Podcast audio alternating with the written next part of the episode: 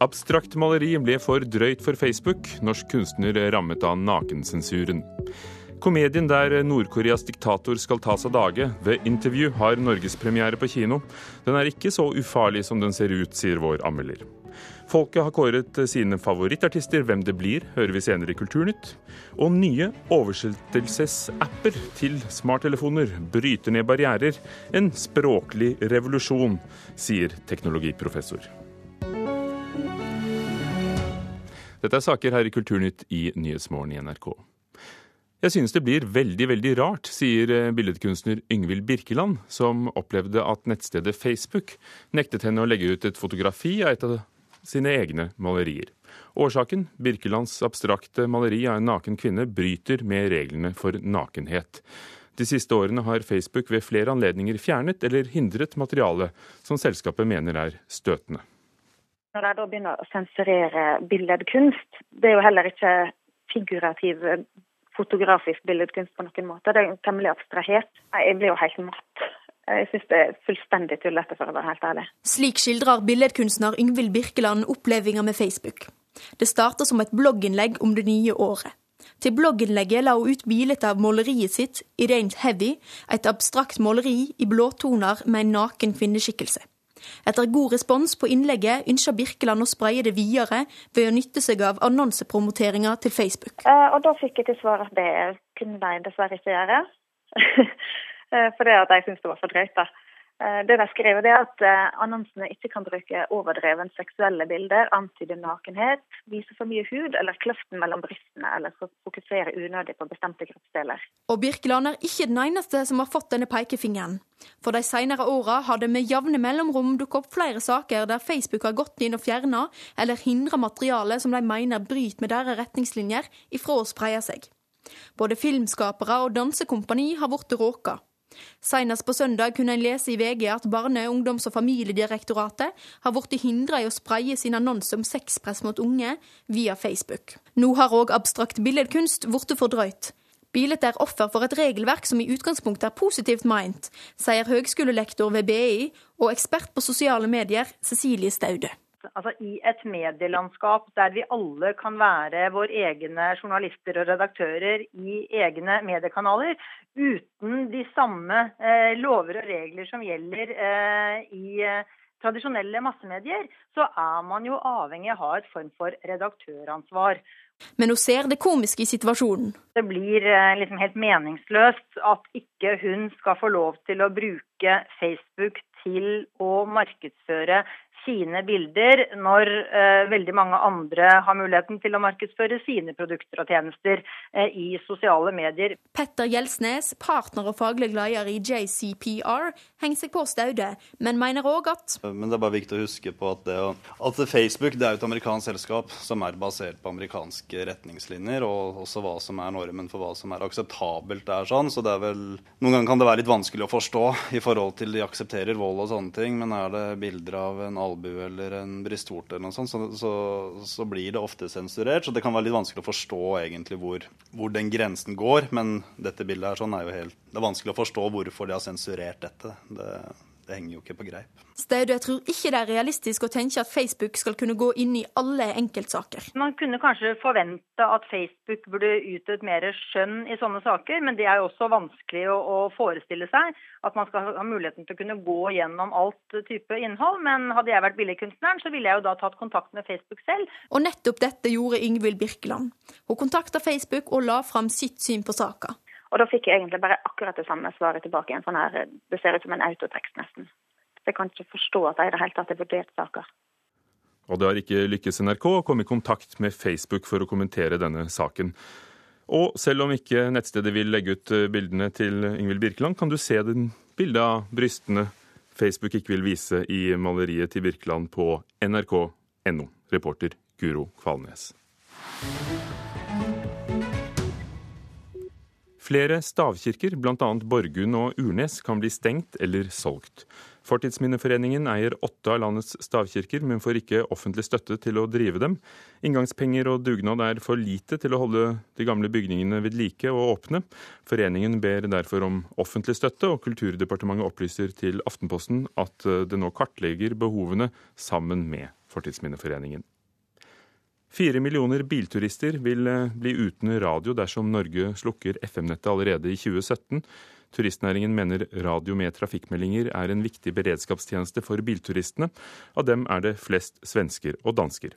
Også Stortinget, eh, flere partier på Stortinget ber regjeringen eh, se på slukketidspunktet for FM-nettet på nytt, skriver Dagens Næringsliv. Kulturministeren bestemmer seg i april for om FM-nettet kan slukkes om to år, eller om det må utsettes. My name is. Oh, perhaps you'd like an English name? An English name? Paddington. Paddington. Paddington. Paddington? Sorry. Filmen om bjørnen Paddington er blitt tidenes mestselgende barnefilm, som er laget utenfor Hollywood. Familie, eh, filmen har nå spilt inn halvannen milliarder kroner. Humor og sjarm sammen med mer alvorlige undertoner som tar opp utfordringer rundt innvandring, gjør at filmen har fått en bred appell, skriver britiske The Guardian.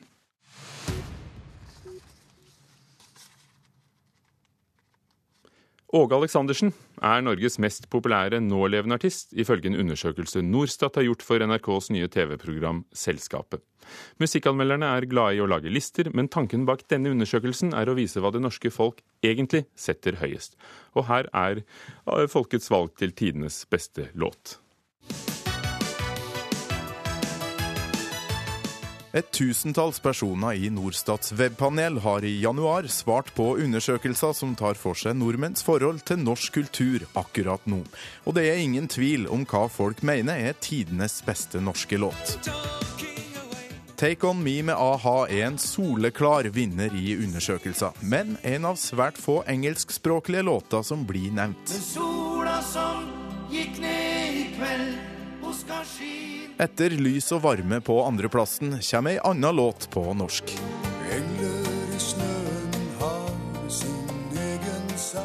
Jonas Fjell og andre artister som har valgt å synge på morsmålet, skårer høyt også på lista over Norges mest populære nålevende artister.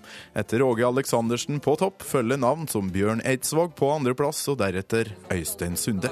Hest er best på maten, sånn midt imellom osten og salaten. Panelet har også fått spørsmålet om hvilken nålevende artist de liker dårligst. Hvor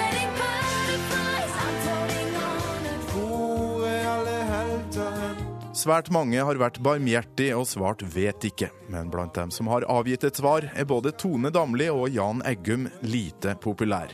Og øverst på minst likt-lista Trone Sputnik. Da skal vi skilles, Johanne? Låta 'Skilles Johanne' seiler også inn som nummer to på lista over minst likte låta. Ei liste som domineres av gammelt materiale, og den ulykksalige topplasseringa går til Jahn Teigens bidrag i Melodi Grand Prix helt tilbake i 1978.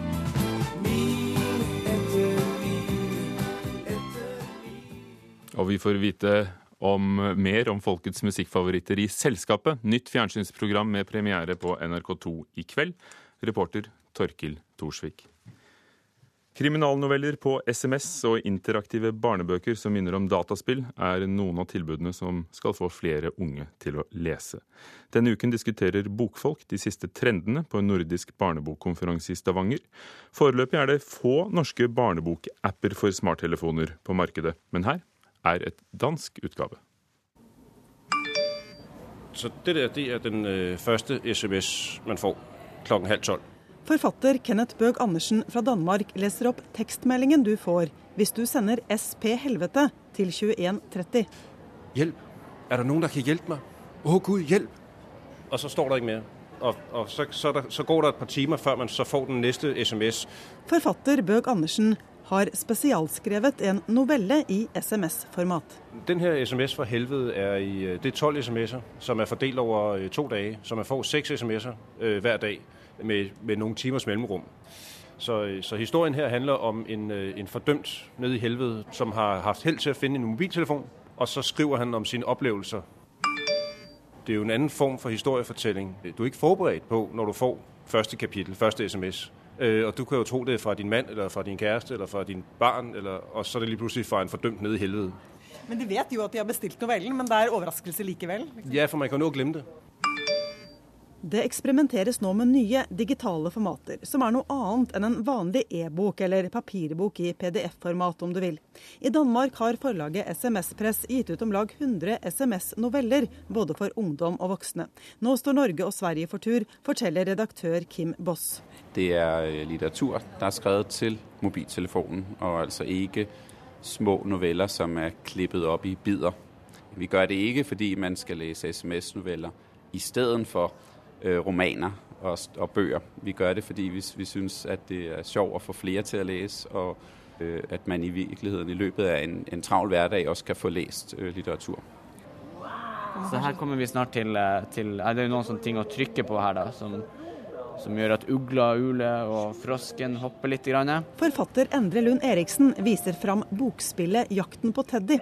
En barnebokapplikasjon til nettbrett, altså en digital fortelling med animasjon, tekst og kommentar, og som er utviklet i samarbeid med spillselskapet Plusspoint. Men som altså likevel er en bok, sier Lund Eriksen. Så Vi kaller det en interaktiv bok. Det vil si at det er en bok der eh, du som leser er med på å gjøre noen valg som eh, har betydning for hva som skjer i, i historien. Men Hva er det som gjør at det er eh, en bok og ikke bare et spill? Det er jo det at det er en historie som eh, har et klart narrativ, og at det er et språk i fortellinga som, som prøver å være litterært.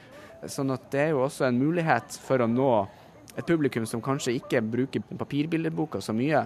Men samtidig er det utfordrende fordi at det er mye som tilbys der ute du har vel lagt deg? Det koster mindre å laste ned dette bokspillet enn å kjøpe en papirbok, men det er likevel dyrt sett i forhold til alle de kommersielle gratistilbudene som finnes. Få satser på digitale fortellinger i Norge, sier barnebokanmelder i Dagbladet Marie Kleve, som håper på flere. Barnebokappene forsvinner jo veldig fort inn i AppStore, hvor det, er, det kommer en, en, bråte med enkle, billige apper fra hele verden som lett kan overskygge de, de få norske som kommer.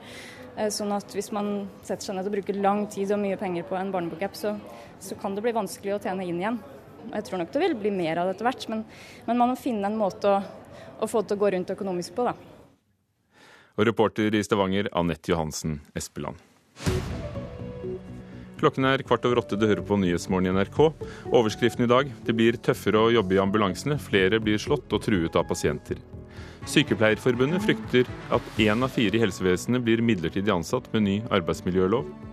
Flygeren som førte ulykkesflyet som styrtet i den taiwanske hovedstaden Taipei i går, blir hyllet for å ha hindret flyet fra å treffe bygninger. I alt er 31 mennesker funnet omkommet etter ulykken.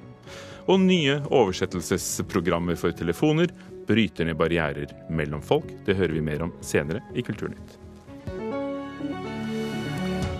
Det kan bli et eget fotografihus i Oslo. I går kveld vedtok bystyret enstemmig å få dette til. Annelise Flavik, du leder arbeidet med fotografihus. Hva er det du og dere ser for dere? Oi. Um, altså først må jeg få lov til å si at dette som skjedde i går uh, i rådhuset, er jo rett og slett historisk. For dere har holdt på i ti år? Ja, faktisk så er det krefter som har holdt på med dette her i ti år. Altså gått svanger i ti år. Og nå er det helt tiden for, eh, for et fotografihus. Det er tiden for fotografi. Alle fotograferer. Det er blitt en allemannseie. allemannseie. Man har et forhold til fotografi. Unge og, og barn og unge de kommuniserer jo med fotografi. Og hva skal dette huset være? Oi, oi, oi. Det skal være eh, et åpent og tilgjengelig hus for alle. Året rundt. Kanskje skal vi, ha, kanskje vi skal stenge julaften. Eneste. Vi skal ha Utallige, det skal være formidlingshus med både opplevelsessenter, det skal være masse gode utstillinger. Vi skal jo nå, vi har fått egen plattform som da vi skal vise godt fotografi på. For hva er et godt fotografi? For nettopp i en tid hvor vi aldri har hatt flere bilder, fotografier rundt oss, det har aldri vært enklere å ta et bilde som er teknisk i orden. Hvorfor trenger vi da eh, et eget hus eh, som, som samler enda flere bilder? Ja, nettopp. Akkurat. Alle tar bilder. Det er jo det som er, eh, det som er det, store spørsmålet her også. Hvordan skal vi da oppdra folk til å vite hva et godt fotografi er? Ja, Hvordan skal vi det? Ja, hvordan skal Vi det? Vi skal vise godt fotografi. Hvorfor Kan ikke Foto-Norge bare lage et Fotografiens hus? Hvorfor vente på at kommunen nå, som de har vedtatt, skal starte en dialog med staten, og så er det et langt lerret å bleke? Hvorfor ikke bare gjøre det? Eh, jo, vi skulle gjerne bare gjort det, hadde vi hatt eh, midler til det. Eh, vi må forankre dette her i Oslo. Oslo er nødt til å ville ha et nasjonalt senter for fotografi. Hvorfor det skal det ligge i Oslo? Du har jo vært leder og jobbet aktivt med Nordic Light fotofestivalen i Kristiansund, som er blitt tung eh, faglig Mm. eh, og, og fått en internasjonal merkevare. Det ligger i Kristiansund. Hvorfor skal dette ligge i Oslo? Jo, fordi eh, hovedstaden må ha et senter. Eh, det er dessverre slik at det bor flest folk på Østlandet. Og når vi snakker om Nordic Light, så er det jo ingenting som sier at vi ikke skal ha Nordic Light. Nordic Light drar vi til med glede under festivalen. Det er jo en fantastisk festival, om jeg så må si det selv. Men akkurat når det gjelder et fotografisk senter, så er vi nødt til å ha det i Oslo. Som på lik linje med Kunstnernes hus, eh, Litteraturhuset og andre hus som er viktige i, i hovedstaden. Eh, andre har jo tenkt lignende tanker. For hvis vi ser til Sverige, så har de det som heter Fotografiska i Stockholm. Er det et forbilde? Ja, helt klart. Altså, Det er et fantastisk sted. Jeg, altså, Fotografiske er så flott. Eh, De har veldig mye av det som vi også ønsker oss. Eh, og vi vil jo gjøre, sette vårt preg på det, naturligvis. Vi vil også, Jeg vet at folk blir lei av å høre om at vi skal ta vare på barn og unge, men vi skal faktisk det også. Vi skal oppdra en ny generasjon til å bruke bilder på en vettig måte. Og Derfor så skal vi også ha et opplevelsessenter for barn og unge. Men det betyr ikke at vi ikke skal ha noe for voksne. Naturligvis skal vi det. Og vi skal ha noe for alle. Eh, skal, her skal være et senter hvor man kan gå inn og se god fotografi i, i form av utstillinger, Hva er det de har gjort i Sverige, da, som er så bra? De har, eh, de har laget et senter hvor folk liker å komme. De har et fantastisk bokhandel, de har et fantastisk restaurant, de har fantastiske fire gallerier hvor de viser fantastisk god fotografi. Og de Er det en mangel på kunstgallerier som setter fotokunst høyt, syns du? Det syns jeg absolutt. Eh, Vi har, eh, vi har jo fotografi, vi har Fotografiens hus i Rådhusgaten. Ja, nettopp. Det minner jo mistenkelig om det sånn i navnet. Ja, eh, og så har vi jo eh, altså vi har jo arenaer hvor vi viser, eh, hvor vi viser fotografi, naturligvis. Eh, Forbundet Frie Fotografer, og, og, som er i, i Møllergata, har jo ett også, naturligvis. Og vi, det er andre steder, men vi vil jo gjerne ha alt samlet på et sted hvor vi kan, hvor vi kan jobbe med fotografi. Hvor vi kan ha utstillinger, vi kan ha, vi kan ha workshoper, foredrag. Eh, Annelise Flavik, jeg rekker opp hånden, Ja, fordi vi har ikke så mye tid. Nei. Du er selv fotograf, du har ledet Nordic Lights. Nå øh, er du øh, da i spissen for å, å, å få til et fotografihus som kanskje kommer til å hete noe helt annet i Oslo. Så hva er et godt bilde? Ja, det er det store spørsmålet. Og det er det vi skal lære bort. Et godt bilde er vel, det er vel en ABC eh, på lik linje med en ABC når man eh, har bokstaver. På, eh, på hva på en måte som fenger blikket, og som, eh, som, som øyet liker, og som har en misjon, og som har noe på hjertet. For har du ingenting på hjertet når du fotograferer, så, så er det på en måte litt dødt. Du må jo ville fortelle en historie. Takk skal du ha, Annelise Flavik. Og så følger vi arbeidet med fotografihus.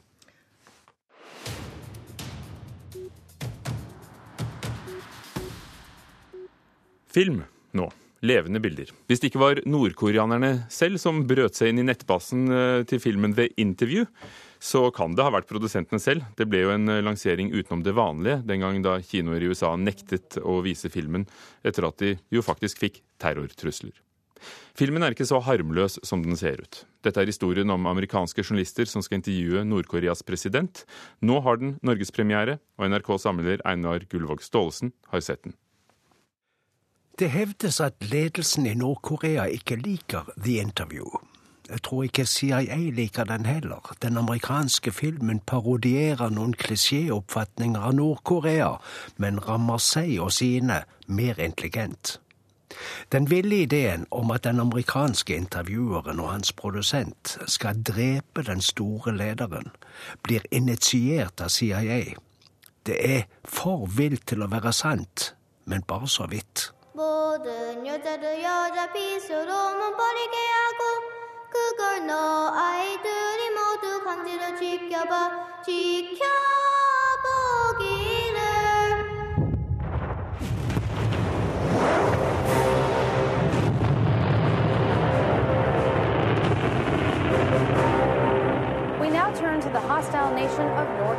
Det er jo moro. Men film er ikke bare underholdning. Ingen filmer er det. Mellom morsomhetene her skjuler det seg noe. Det vi ikke merker, fester seg best. So, uh, how can we, uh, what can we do you for? Yeah, to what do we owe the pleasure? Well, Aaron, Dave, as I'm sure you know already, Kim Jong un is now. CIA bruker lokkemus. Hun har vakre trekk, harmoniske kurver, mørkt hår og lokkende øyne. CIA vet at TV-produsenten liker store bryster og briller. Hun får journalistene til å handle slik CIA vil når de først skal til Nord-Korea. De skal drepe den guddommelige leder. Det snakkes om lokkepikk også. Det skulle bare mangle at filmen ikke var krydret med homsevitser. Både CIA og koreanerne skjønner at gutter er lette å be hvis de pirrer underlivet. De er bare ikke helt sikre på om legningen er absolutt. Filmprodusentene vet hva seerne liker. Ereksjon under trange bukser er en suksessfaktor i komedier. Her òg. We have mange fat children in North Korea. The supreme leader believes it is a hallmark of a prosperity and a self-sufficiency. Nord-Korea blir avkledd. Vi vet allerede hva som er under. Sult, disiplin, atombomber, diktatur og alt det der. USA får blottlagt noe om hva CIA er god til. Og amerikansk TV og deres seere blir gjort til latter. Troverdig dumskap er underholdende. De som lager det og sender det, mener dumskap er klokt. Good evening. I'm Dave Skylark. Tonight, we are joined by Det er en av de rumlende, tomme kanalene som sender programverten og produsenten til Nord-Korea. Skylark Tonight heter talkshowet som spesialiserer seg på kjendiser og uvesentligheter. Det er kommet inn en mail fra Korea om at presidenten der elsker programmet deres og følger hver eneste utsendelse. Han vil de intervjue. Get him, get him, get him, get the go! Get the go! Presidenten skal få sitt livs opplevelse. Einar Gullvåg Staalesen om The Interview, og flere av årets Oscar-favoritter har også premiere denne uken. Birdman og The Theory of Everything, teorien om alt. Einar Gullvåg Staalesen anmelder dem i Mørkets opplevelser i P2 i morgen fryktelig tidlig klokken seks om morgenen, og søndag klokken 16. Kanskje like greit å ty til NRKs nettradio, radio nrk.no. I år kan bli året da de språklige barrierene som skiller oss mennesker for alvor begynner å forsvinne. I hvert fall lanserer teknologigiganter som Google og Skype ny programvare som skal kunne oversette tale på et øyeblikk. Teknologi som bare for få år siden var rene fremtidsfantasier. The universal translator is coming online, sir. Ugly. Ugly. Giant. Da Star Trek rulla over skjermene i 1988, var ei datamaskin som kunne omsette direkte mellom ulike språk, nettopp science fiction. Bags of mostly water. An accurate description of humans, sir. Universalomsetteren kunne i løpet av få sekunder omsette romspråk, slik at mannskapet på stjerneskipet Enterprise forsto hva som ble sagt. Life force. Do you understand us? Ennå kan vi ikke omsette romspråk til jordspråk. Men teknologien som gjør det lettere å forstå oss jordboere imellom, vil i 2015 gjøre et stort byks framover. Jeg syns jo dette er, eh, dette er, helt fantastisk. Det er, jo, det er jo en gammel drøm. En babelfish som, hvor du snakker inn den ene enden, og så kommer det et annet språk ut av den andre enden. Det sier professor i teknologi og kommunikasjon ved NTNU, Arne Krokan. I 2015 kommer nemlig teknologigigantene Skype og Google med ny programvare som skal kunne omsette lynraskt mellom ulike språk. Når det blir sånn at uh, du kan snakke ditt morsmål inn i en telefon eller en mikrofon, og få et annet språk ut av den andre enden, så er det klart at dette her kommer til å påvirke samfunn og kommunikasjon, uh, institusjoner i samfunnet på ganske kraftige måter. Do you like living in Mexico City? ¿Te gusta vivir en la Ciudad de México? Aquí está muy lindo. Here is very nice. Slik presenterer Skype sjøl sin nye oppdatering, som er venta tilgjengelig senere i år og skal omsette direkte mellom spansk og engelsk. I like to swim. Me gusta nadar. Eh, videotjenester som Skype, og der man i dag har digitale møter og digitale samtaler, kan den også oversette mellom de, de store språkene, eller alle språkene i verden, så er vi jo kommet et, et kjempeskritt videre når det kommer til kommunikasjon. Sier Marius Arnesen, journalist i NRK Beta, NRKs teknologi- og utviklingsavdeling. Hei, jeg lurer på om det er mulig å sjekke ut av hotellet litt senere.